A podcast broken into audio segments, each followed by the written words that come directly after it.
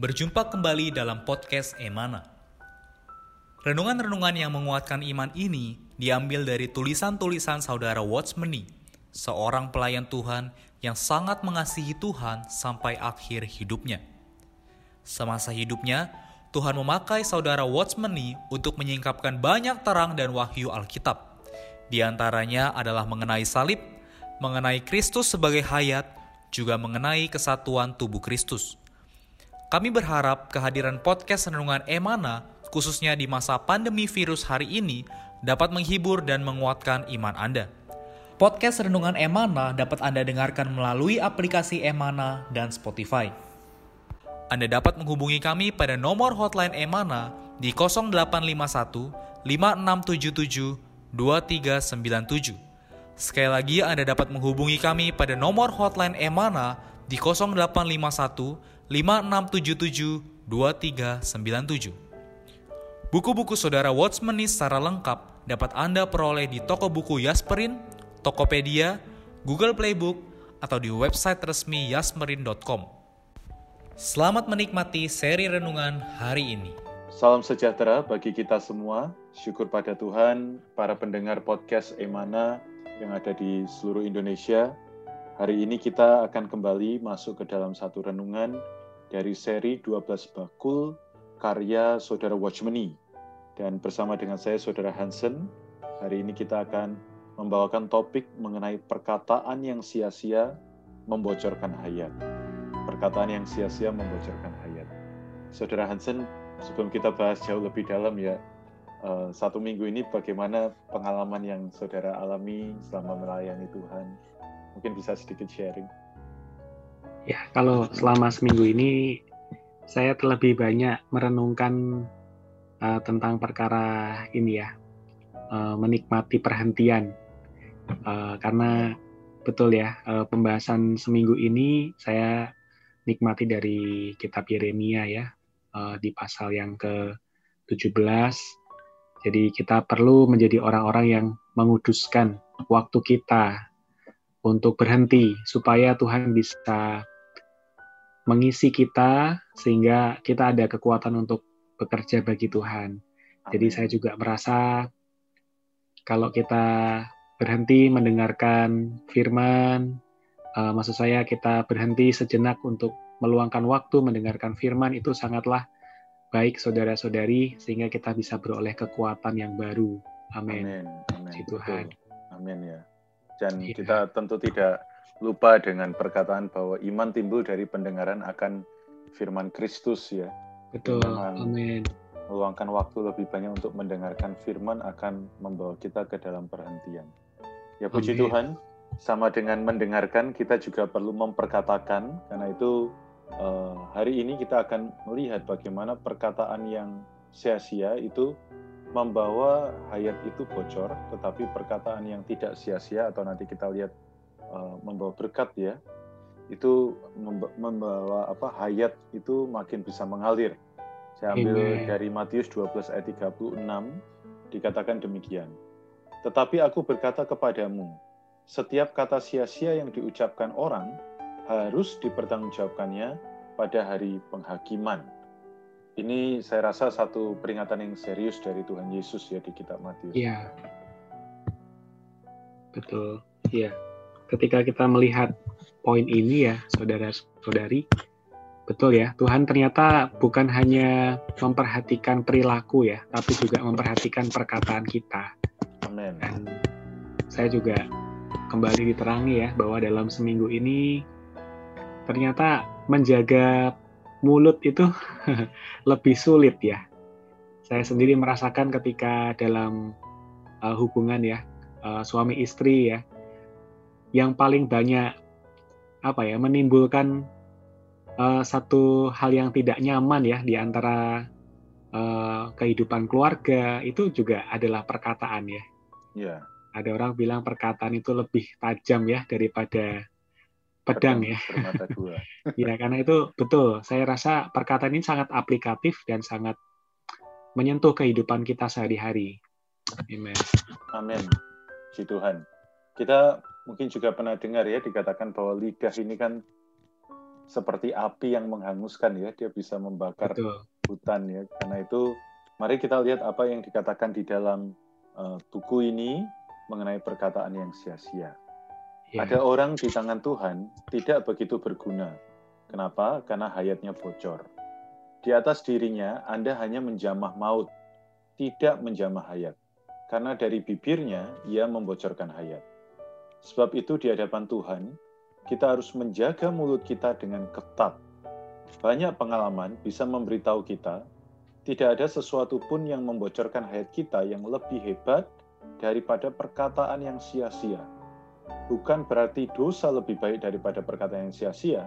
Di sini selain dosa, perkara lain yang bisa membuat hayat kita musnah adalah perkataan yang sia-sia. Ini serius sekali ini saudara Hansen ya, kalau kita lihat bahkan hayat kita dikatakan bisa musnah. Ini seberapa bahayanya perkataan yang sia-sia ini. Ya, ketika kita memperhatikan manusia ya, manusia ini kan diciptakan sebagai sebuah bejana ya, sebuah wadah. Karena itu tadi perkataan bocor ya, perkataan akhirnya hayat itu menjadi lenyap ya, atau tadi saudara Moses katakan musnah itu yeah. karena kebocoran di dalam diri kita sebagai bejana yang namanya bocor ya ada bocor yang kecil ada yang bocor besar ya. Dan yang berbahaya tuh yang bocor kecil ya. Kita tidak terasa sedikit demi sedikit.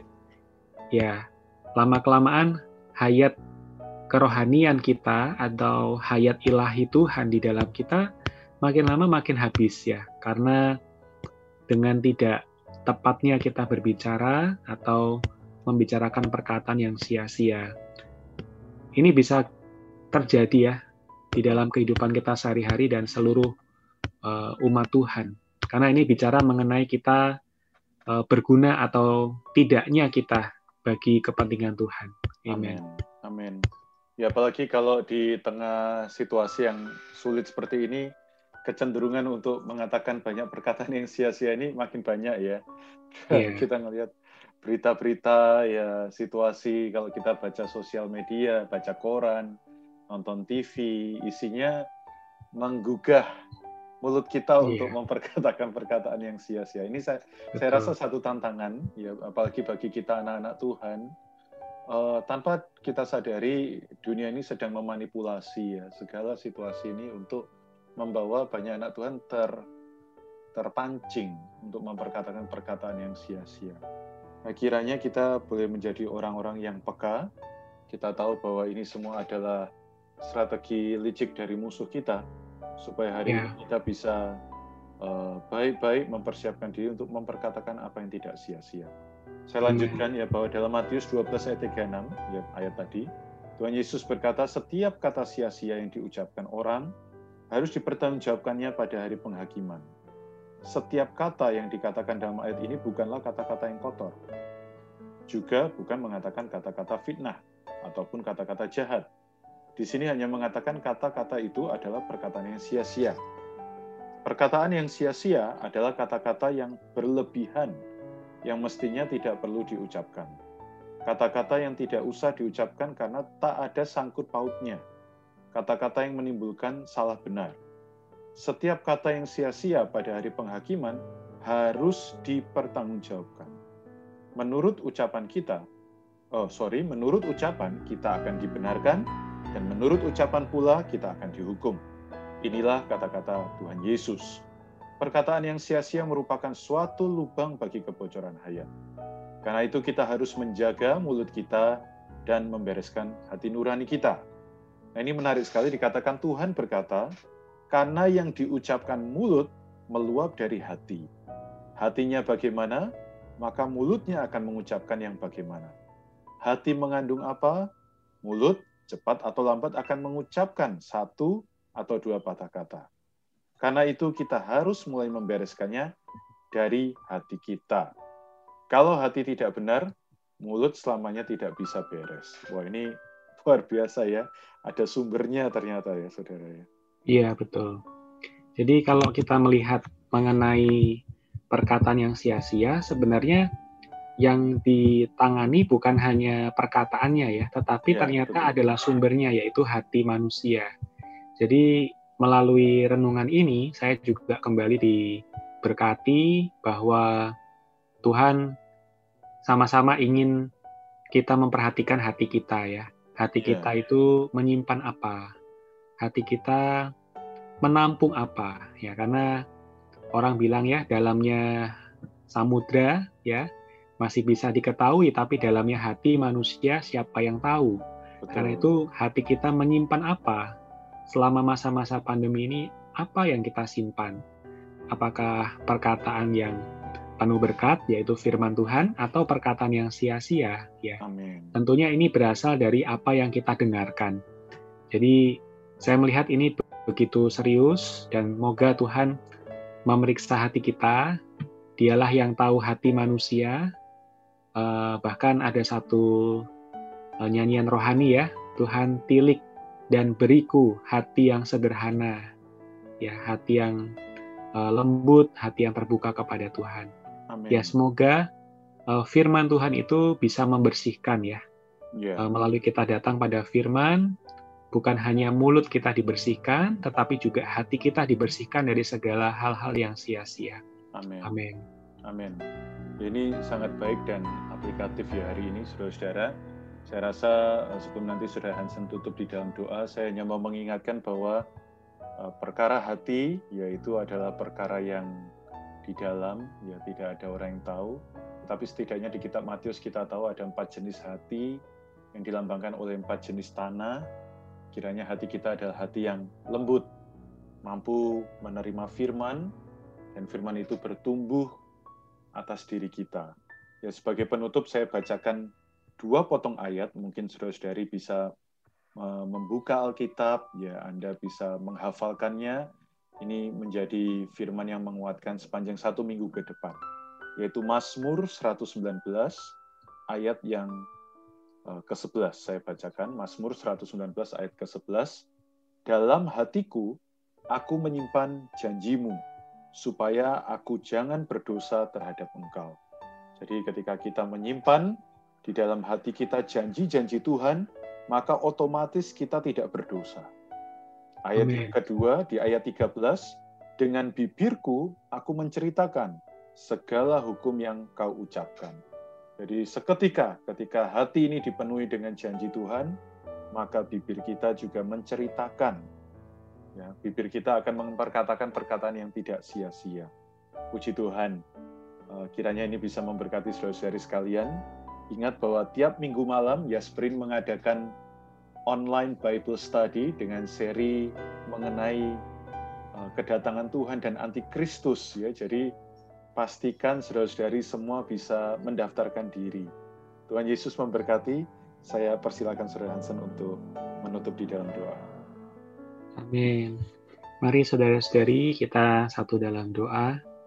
Tuhan, terima kasih untuk firman-Mu yang singkat pada saat ini. Kami ya. bersyukur Engkau menerangi kami bahwa perkataan yang sia-sia membocorkan hayat rohani kami, sehingga Tuhan lambat maupun cepat, oh Tuhan, kerohanian kami pasti akan menjadi kering, menjadi Amin. lembam ya Tuhan.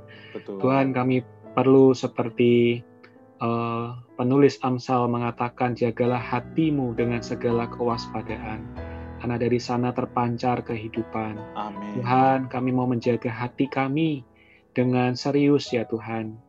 Oh, dan olehnya kami juga menjaga perkataan kami.